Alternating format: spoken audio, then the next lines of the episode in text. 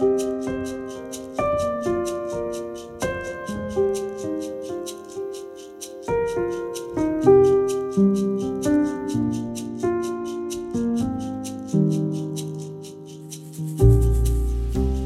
lytter til Spires pod, og navnet mitt er Vidar Mæland Bakke. Jeg har hatt forskjellige slags naboer gjennom livet.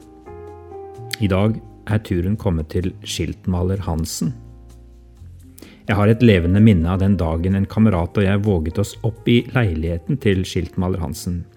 Det må ha vært mens jeg gikk på barneskolen. Han bodde i andre etasje i den gamle doktorboligen, et lite hus midt i sentrum av bygda Stranda.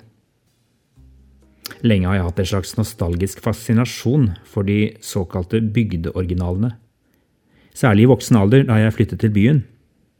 Plutselig så jeg dem ikke lenger.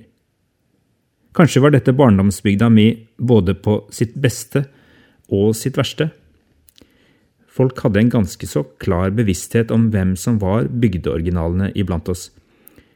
Bygdeoriginalene fungerte som en slags lokale grensemarkører. De kroppsliggjorde hvor grensen gikk for hva som var innenfor normalen, og hva som i våre øyne befant seg utenfor. Gjennom sine handlinger og væremåte viste de folk flest som ønsket å holde seg innenfor rammene for sosial atferd, hvor grensen for det akseptable gikk. Selvfølgelig var dette kulturelt og historisk betinget. Hvor har bygdeoriginalene tatt veien? Noen har dratt nytte av nyere medisiner og er blitt mer normale i gåseøyne. Noen hadde slettes ingen sykdom, de ble bare oppfattet som litt rare fordi rammene lokalsamfunnet satte for dem, var for trange. Kanskje rakk noen av de potensielle bygdeoriginalene å flytte til byen før de fikk stempelet på seg. Det er jo en kjensgjerning at i byene er det lettere å forsvinne i mengden det er sikkert større toleranse for at folk er forskjellige der enn det var i hjembygda mi, men jeg tror også mange av de ville ha kjent seg ensomme i byen. Flere av de bygdeoriginalene jeg kjente. På bygda hadde de et navn. Det kunne være et kallenavn. Kanskje var det et stigmatiserende navn som i dag ville klassifiseres som ren mobbing, men jeg tror også det kunne ligge betydelig anerkjennelse i å bli tildelt et kallenavn. Da hadde de en tydelig identitet i lokalsamfunnet. Grenser både tiltrekker og vekker frykt. Som grensemarkører virket også bygdeoriginalene slik på meg. Det gikk litt sport i å våge seg til å snakke med dem. De utgjorde et lite eventyr.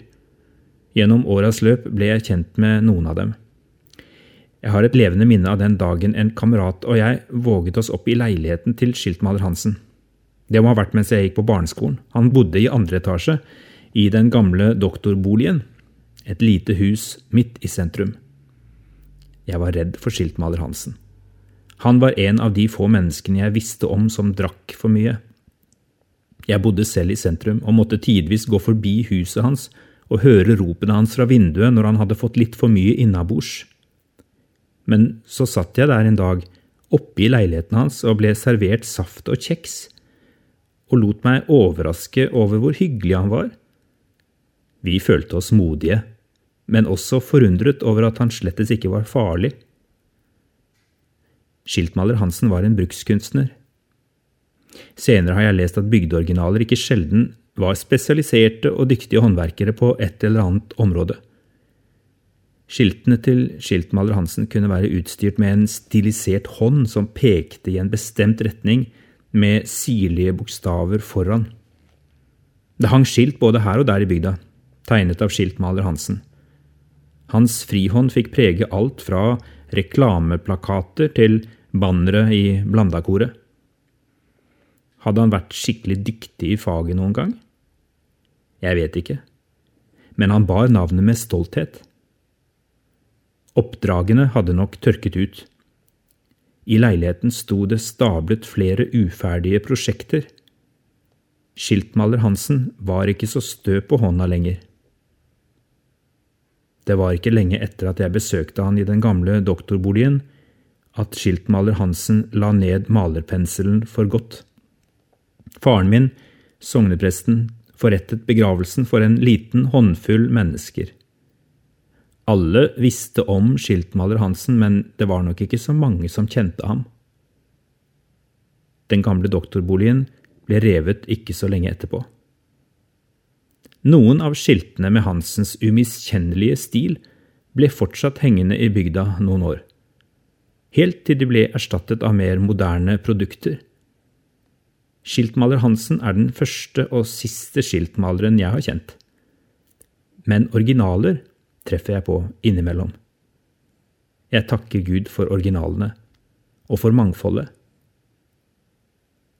I første Korinterbrev kapittel 12 skriver Paulus Nå har Gud gitt hvert enkelt lem sin plass på kroppen, slik han ville det. Hvis det hele var én kroppsdel, hvor ble det da av kroppen? Men nå er det mange kroppsdeler, men bare én kropp. Øyet kan ikke si til hånden 'jeg trenger deg ikke', eller hodet til føttene 'jeg har ikke bruk for dere'. Tvert imot. De delene av kroppen som synes å være svakest, nettopp de er nødvendige.